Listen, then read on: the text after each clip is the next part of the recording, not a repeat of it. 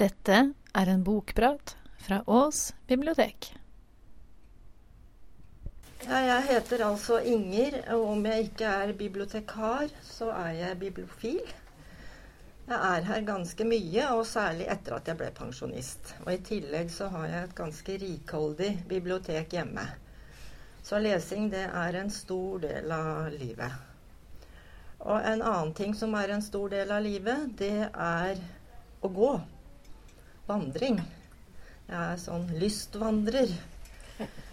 Ikke bare går jeg her på Ås og bruker skogene flittig, men eh, jeg bruker også feriene litt flittig til å gå.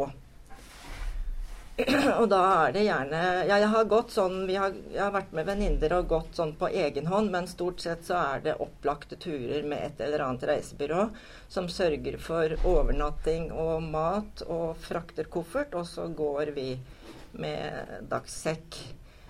Uh, og jeg har stort sett gått i Nord-Italia. Uh, og bodd enkelt på kloster og sånn. Og så har jeg gått til Santiago de Compostela bare de siste tolv mila. Men uh, det var en veldig fin Det er det beste jeg har gjort i mitt liv.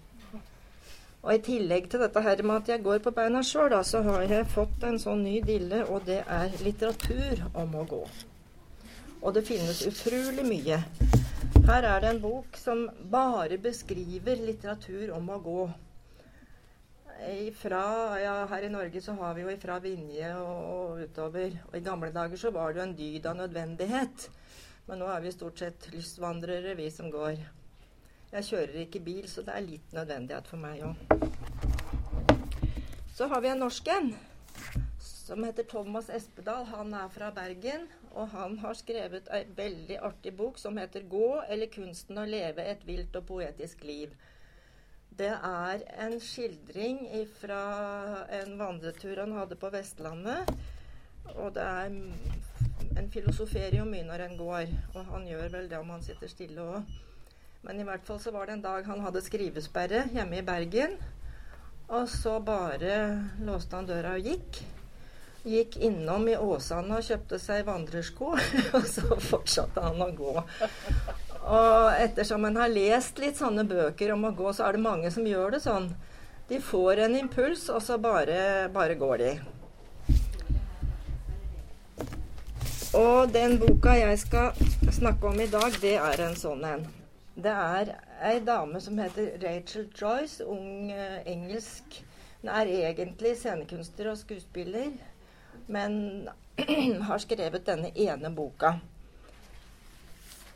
Og den grep meg veldig, ikke bare fordi det var en som gikk og gikk, men uh, det er, beskriver en sånn fredelig, snill, god mann. Og han har ei ganske fredelig, god, snill kone òg. Men i hvert fall han Harold Fry han hadde en gang i sin tidlige karriere jobba på et bryggeri sammen med ei dame som het Queenie, så hadde han en gang uh, tatt penger fra arbeidsgiveren sin.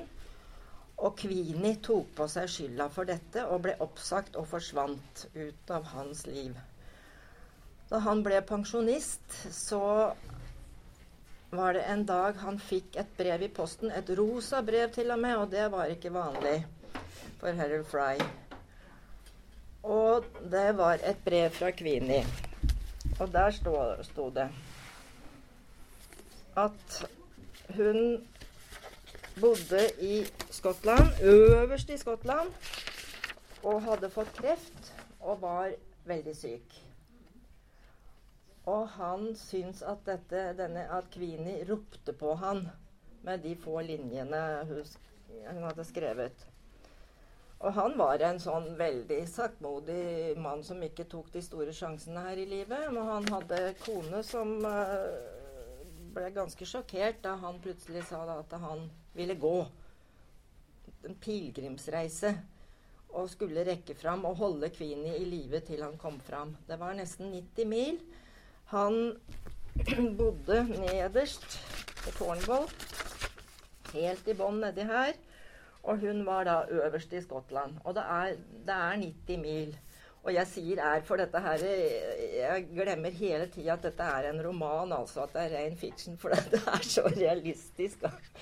Så han skulle tro at det var en reise, reiseskildring. Men i hvert fall så Han har på seg sine vanlige seilersko og jakke og bukse og skjorte og slips. Og har skrevet noen få linjer til Kvini om at han tenker på henne og skal gå ut og poste dette brevet. Så går han forbi den første postkassa, og så går han forbi den neste, og plutselig så er han på vei ut av landsbyen og rett og slett på vandring slik han går og står.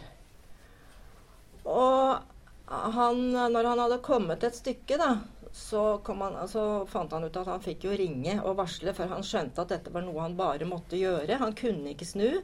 Han kjente på seg at denne vandringen måtte han ta. Så han ringer hjem og forteller til Maureen, sin kone, at han er ute og går. Og ble jo en smule forskrekka, da. Men uh, det var ikke noe annet å gjøre. Hun var et fromt menneske, så hun godtok jo det.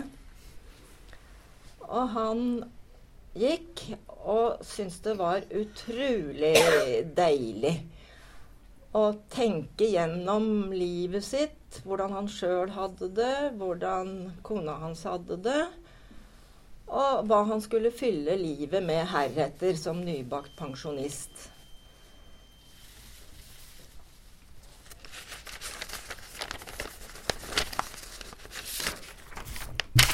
Og det er utrolig flotte naturskildringer. Det er klart, En har jo god tid da når en går der aleine. Og han var stemt på at han skulle gå aleine. Han skulle ikke ha noe utstyr. Det skulle være veldig enkelt. Etter hvert så skjønte han jo det at uh, det ble vanskelig å gå med seilersko. Uh, så han uh, stoppa og fikk kjøpt seg noen, noen sko. Han fikk skaffa seg et par vannflasker og et par pakker kjeks. Og da hadde han også en bærepose, slik at han liksom var berga ei stund. Nå skal jeg lese litt fra starten. Jeg har selvfølgelig. begynt å bli forkjøla oppi dette her òg, da. Harold tenkte på ordene han hadde skrevet til Queenie, og skammet seg over hvor utilstrekkelig det var. Han så for seg at han gikk hjem igjen og at livet fortsatte nøyaktig som før, bortsett fra at Queenie lå for døden i Berwick. Det ble for mye for ham. Brevet hvilte i den mørke åpningen. Han klarte ikke å slippe det. Det er tross alt en fin dag, sa han høyt til seg selv, som, ingen, som om ingen kunne høre det. Han hadde ikke noe annet å ta seg til, og han kunne like gjerne gå til neste postkasse. Han rundet svingen i Fossbridge Road før han rakk å ombestemme seg. Og det er ikke Harold likt å ta en kjapp avgjørelse. Han innså det. Men denne gangen så var han fast bestemt på at dette skulle gjøres. Og så Han hadde lite penger, så han lå i grøftekanter og litt sånn rundt omkring. Heldigvis så var det ganske fint vær. Det var på, på, våren.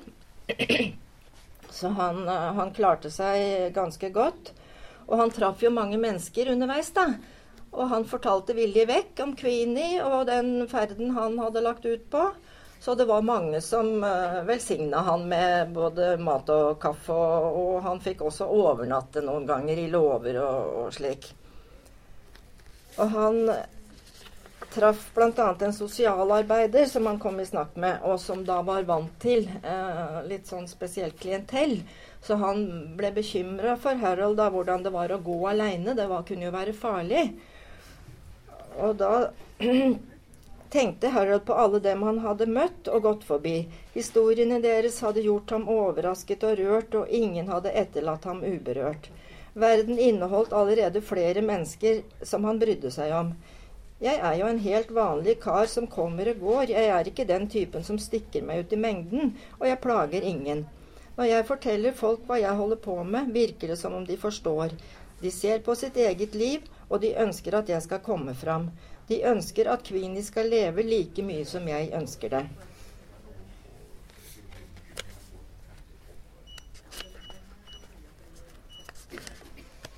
Så ringer han jo hjem til Maureen iblant, da. Og forteller hvordan han har det. Og hun syns det er aldeles forferdelig at han går der uten noe slags utstyr. Og stort sett sover ute. Så har de en god nabo. Så han forbarmer seg over Kvini, og de reiser. Det er jo ikke så langt å kjøre bil, da, selv om han har gått i dagevis, så går det jo fort med bil. Og har med seg mat og drikke, og de vil veldig gjerne at han skal overnatte på pensjonat. Men det er ikke snakk om. Det, det vil han ikke. Men han blir nå med og spiser lunsj da, med disse to. Og da han klarte omtrent ikke å få ned vanlig mat fordi at han hadde vært vant til å spise så spartansk. Så det å sitte på en kafé og spise, det syns han ikke var noe stas. Så han vinka faktisk ganske glad fornøyd, han og kona og naboen dro hjem igjen. Men så en dag han han begynte å bli redd for at han hadde dårlig tid. Han hadde ringt til sykehuset der Queenie bodde, og de sa at nå lå hun og var ganske så dårlig. Så han raska på ganske mye og fikk etter hvert veldig vonde bein. Han hadde svære gnagsår, han fikk kramper, og en gang så falt han rett og slett om i en liten landsby. Så var det så heldig, da, at det var en, uh, ung, en kvinnelig lege som bodde der, som fikk den i hus. Og han måtte være der et par dager fordi at han var ganske, ganske dårlig da. Så hun stelte tøyet hans og stelte beina hans, og han måtte bare godta det, for da kunne han ikke gå.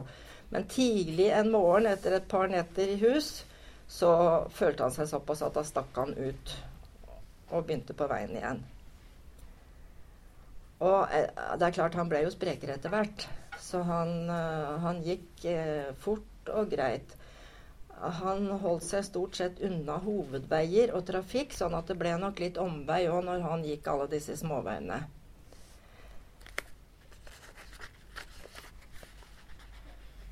Og han filosoferte over det han opplevde.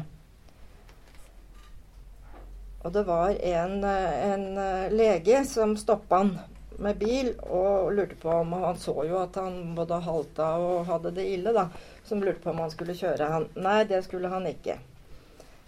Men tror du du går, klarer å gå hele veien til Bølvik? Jeg stresser ikke, og jeg nøler ikke. Hvis jeg ganske enkelt setter den ene foten foran den andre, sier det seg selv at jeg kommer fram. I det siste har jeg tenkt at vi sitter mye mer enn vi burde. Han smilte. Hvorfor skulle vi ellers være utstyrt med føtter?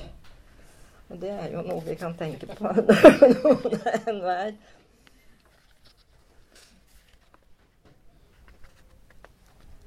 Men uh, denne bilføreren han, han syntes dette var, var, vanskelig da, og mente at om han ikke ville være med nå, så kunne han tenke på det. Prøv å se utkjørt ut, sa han. Det var rådet. Så kanskje det var noen som stoppa som han ville bli med. Men han gikk. Og Marin og naboen kom igjen og, og, ville enten kjøre han et stykke eller ha han med hjem. Men nei, han fortsatte. Og han ringte med jevne mellomrom til sykehuset der Queenie lå. Han sendte henne kort. 'Du må holde deg i live, så skal jeg holde meg på veien'. Og så var det en gang han var kom borti et selskap med noen vandrere som var sånne proffe vandrere, da, som hadde sekker og utstyr. Og de syntes det var for galt at denne gamle mannen gikk der aleine, så de eh, ville at han skulle gå sammen med dem. Det var pilegrimer, de hadde gått ganske langt, og de skulle til en katedral et sted oppe i Nord-England. Og han syntes jo det var hyggelig at noen uh, viste omsorg, men han syntes også det ble veldig slitsomt. Han gikk med i et par dager, men det var et evig mas. Og de skulle stoppe, og de skulle spise, og de skulle drikke, og det var liksom ikke måte på å prate. Han gjorde det hele tida. så tidlig en morgen så stakk han av gårde. Rømte fra hele pilegrimsgjengen. Men så var det en kveld da, som han syntes han hørte noen bak seg. Og snudde seg og så ingen. Eh, og gikk fortsatte å gå, men han hadde hele tida følelsen av at det var noen der. Og så viste det seg at det var en ung gutt som hadde lest om Harold fordi eh, det var jo, Særlig når han gikk sammen med pilegrimene. De sørga jo for å få PR, sånn at de hadde innkalt journalister. Og noen ble jo fenga av denne historien til Harold Fry, som skulle gå så langt. Så han var i alle aviser, og han var på TV. Sånn at da begynte det jo virkelig å bli, eh, bli kjent hva han drev med. Så var det en ung gutt som også ville være pilegrim. Han var ikke helt fornøyd med seg sjøl og skulle liksom finne seg igjen. Så han lurte på om han kunne få gå sammen med denne stødige pensjonisten. Og Harold han var jo altfor snill, så han sa ja i første omgang. Men eh, denne unge gutten han hadde nok masse problemer. Og det var ikke så enkelt for en amatør å hanskes med dette. Så eh, etter å ha holdt ut noen dager, så, så stakk han en tidlig morgen fra denne unge gutten. Også. Det hadde han dårlig samvittighet for. Fordi han skjønte at dette var et menneske som hadde behov for nærhet. Men han følte ikke at han var i stand til å gi, gi det rette. Og han plagdes forferdelig med å ha folk rundt seg.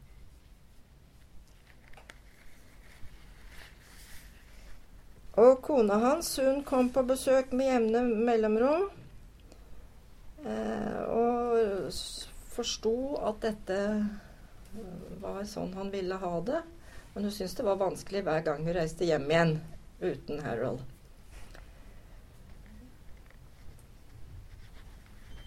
Og så skriver han stadig kort, da, som sykehuset leser opp for stakkars Kvinni. Og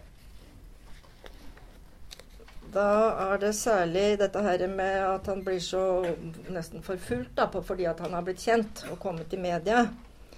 Kjære Kvini. Ting har tatt en uventet vending. Det er så mange som spør hvordan du har det. Beste hilsen Harald. PS. En snill dame på postkontoret ga meg et gratis frimerke. Hun hilser også. Så det var sånn han gjorde det. Han brukte ikke penger. Han ba pent om det han trengte, og fikk det. Han ble ordentlig sånn pilegrim i sin sjel. Skal vi se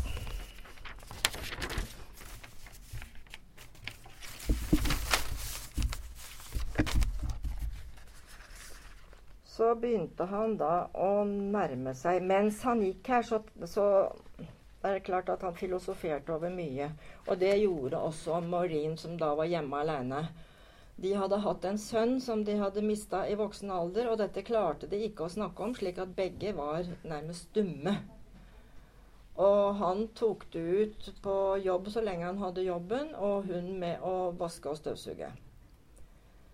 Så når uh, Harold uh, gikk sin vei, da, og hun var der aleine, så begynte hun også å tenke over livet og hvordan de hadde stelt det til for hverandre. Uh, Sjøl om de hadde mista, så hadde de ikke gjort noe for å finne igjen noen ting. Så begge brukte tid på å filosofere. Og etter hvert som korta fortalte at Harold nærma seg, så dro naboen og Marin øh, oppover og nærma seg Skottland. Men de, de, holdt seg unna, men de, de, ville gjerne være i nærheten når han nærma seg sykehuset. For de var litt, særlig kona var spent på hvordan han ville takle dette her. Han var jo utslitt. Og hun hadde også ringt sykehuset og fått beskjed om at Queenie var i en elendig forfatning. Hun hadde kreft i hodet og var forferdelig prega av det. Så hun og denne naboen, de reiste. Og når de kom til sykehuset, så satt Harold på en benk utafor og psyka seg opp for å gå inn. Han hadde ringt flere ganger og snakket med disse nonnene som uh, hadde sykehuset, så han visste akkurat hvordan det var. Og han skjønte nå at han kom til å rekke, fram så han satt der og filosoferte over at han hadde eh, nådd enden på sin tur, og Queenie nådde enden på sitt liv. Og da kommer eh, kona. Og hun og da hadde de i grunnen et hjertelig gjensyn og fant hverandre igjen etter alle disse åra. Hun spurte om hun skulle være med, følge han, med han inn, men nei, det ville han ikke. Hun kunne vente utenfor. Dette skulle hun greie alene. Så han gikk inn, og det var en nonne som tok imot han og forberedte han på at dette var tøffe saker, og om hun skulle være med inn. Nei, han skulle gå inn alene. Han gikk inn, og hun var jo ganske ille tilrett, da. Han kunne ikke kjenne henne igjen, men han så på øynene hennes at hun forsto at han hadde rukket fram. Og han satt der lenge, og da han gikk, så sa han at 'jeg kommer igjen i morgen. Du får leve til da'. Og dagen etter så kom han igjen og satt hos Kvini da hun døde. Med kona på benken utafor. Og den skildringen eh, av eh, da han kommer ut igjen eh, til kona si, den skal ikke jeg si noe om, for at litt kan dere ha igjen hvis det er noen som har lyst til å lese denne boka. Men den er altså utrolig vakker. Så dette syns jeg er en sånn fredelig, god bok med masse menneskekunnskap, masse natur. Og det er liksom ikke noe, bortsett fra at det selvfølgelig er litt sørgelig innimellom, så er det ikke noe sånn skummelt og vold, voldelig og voldsomt. Så dette er en bok jeg vil anbefale på det varmeste. Rachel Royce, Harold Frys utrolige pilegrimsferd. Takk.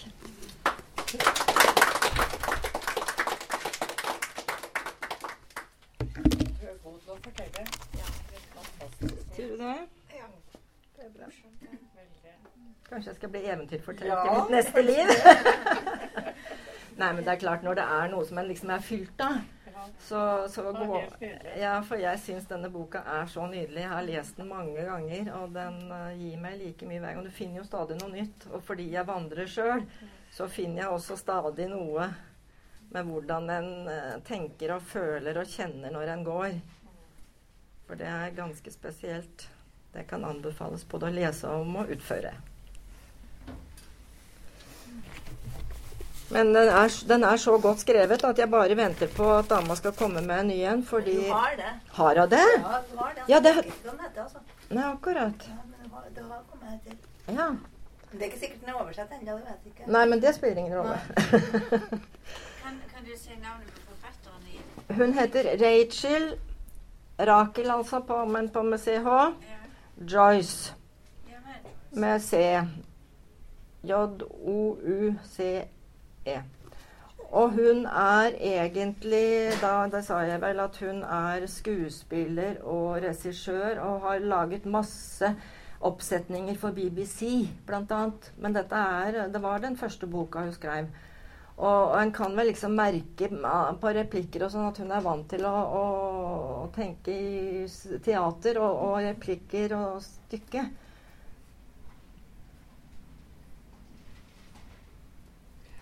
Så jeg syns den er helt, eh, helt vidunderlig. Det er mange gode bøker, men denne er en sånn en som har satt seg fast hos meg. Og så er den så hyggelig, fordi det er jo kart, da. Og så er det tegninger, nydelige svart-hvitt-tegninger innimellom. Så sjøl om det er en paperback, så er det en vakker bok. Min begynner å bli utslitt. Jeg vet ikke om den finnes på stive permer, stive permer ja, men uh, jeg tror den er en sånn en som jeg må ha med stive permer, hvis den finnes. Kunne du tenke deg at den ble filmatisert? Tror du det? Er det en sånn bok som man kunne lage en? Det vil bli en veldig stillferdig film, tror Ja, jeg. det, er, det er jo en del sånne Ja da, det er det. Den hadde passa veldig godt, en sånn engelsk sånn Ja, og så tenk på landskapet i England helt ifra Cornwall og opp til enden av Skottland. Det er jo helt fantastisk. Å ja, den hadde vært Så du den der som heter Still Life? Jeg tror det. det er noen som har sett den. Er sånn relativt ny engelsk en, men som Ja, det. Ja, ja. i begravelse. Mhm. Og det var jo ingenting som det, men det var jo en fantastisk film. Så det der ville ha vært Ja da. grunnlag for Ja. Og hvis de f er autentiske og filmer den på den tida, april-mai, da er det jo bare helt nydelig i- i England. Og han unngikk Han var i Exeter, er det det det heter? Det var der han fikk skaffa seg ordentlige sko og handla lite grann. Ellers så var han ikke innom noen byer. Og det er klart at det å gå sånn landeveien i, i England og Storbritannia, det er eh, en drøm, det. Det er det virkelig. Og han, han skaffa seg kart. Og så en, eh, en, eh, en botani... En, hva heter det for noe? Flora. Flora. Fordi at han fikk jo tid til å studere plantelivet, og det hadde han aldri brydd seg noe om. Det var kona som stelte den lille hageflekken, og han hadde aldri sett, tenkt på planter. Men han ble veldig interessert i det på turen. Og ble veldig god på, på planter og syntes det var uh, veldig morsomt. Og det er klart, på den tida så Nå snakker jeg som dette her er virkelig igjen. Det var nesten sånn jeg leste den. Den var, det, en trodde på det. Ja, veldig. Må, må vi si til deg hele, hele tida. Det er bare tull. Det er ikke det. Nei, det er ikke det. Hva var det uh, tittelen på boka? Den heter Harold Frys 'Utrolige pilegrimsferd'. Skal jeg sende den rundt? Med gule lapper i. Ja, den er Har dere den? Ja, men da sier jeg takk for meg. Takk for at jeg fikk lov å presentere godboka mi.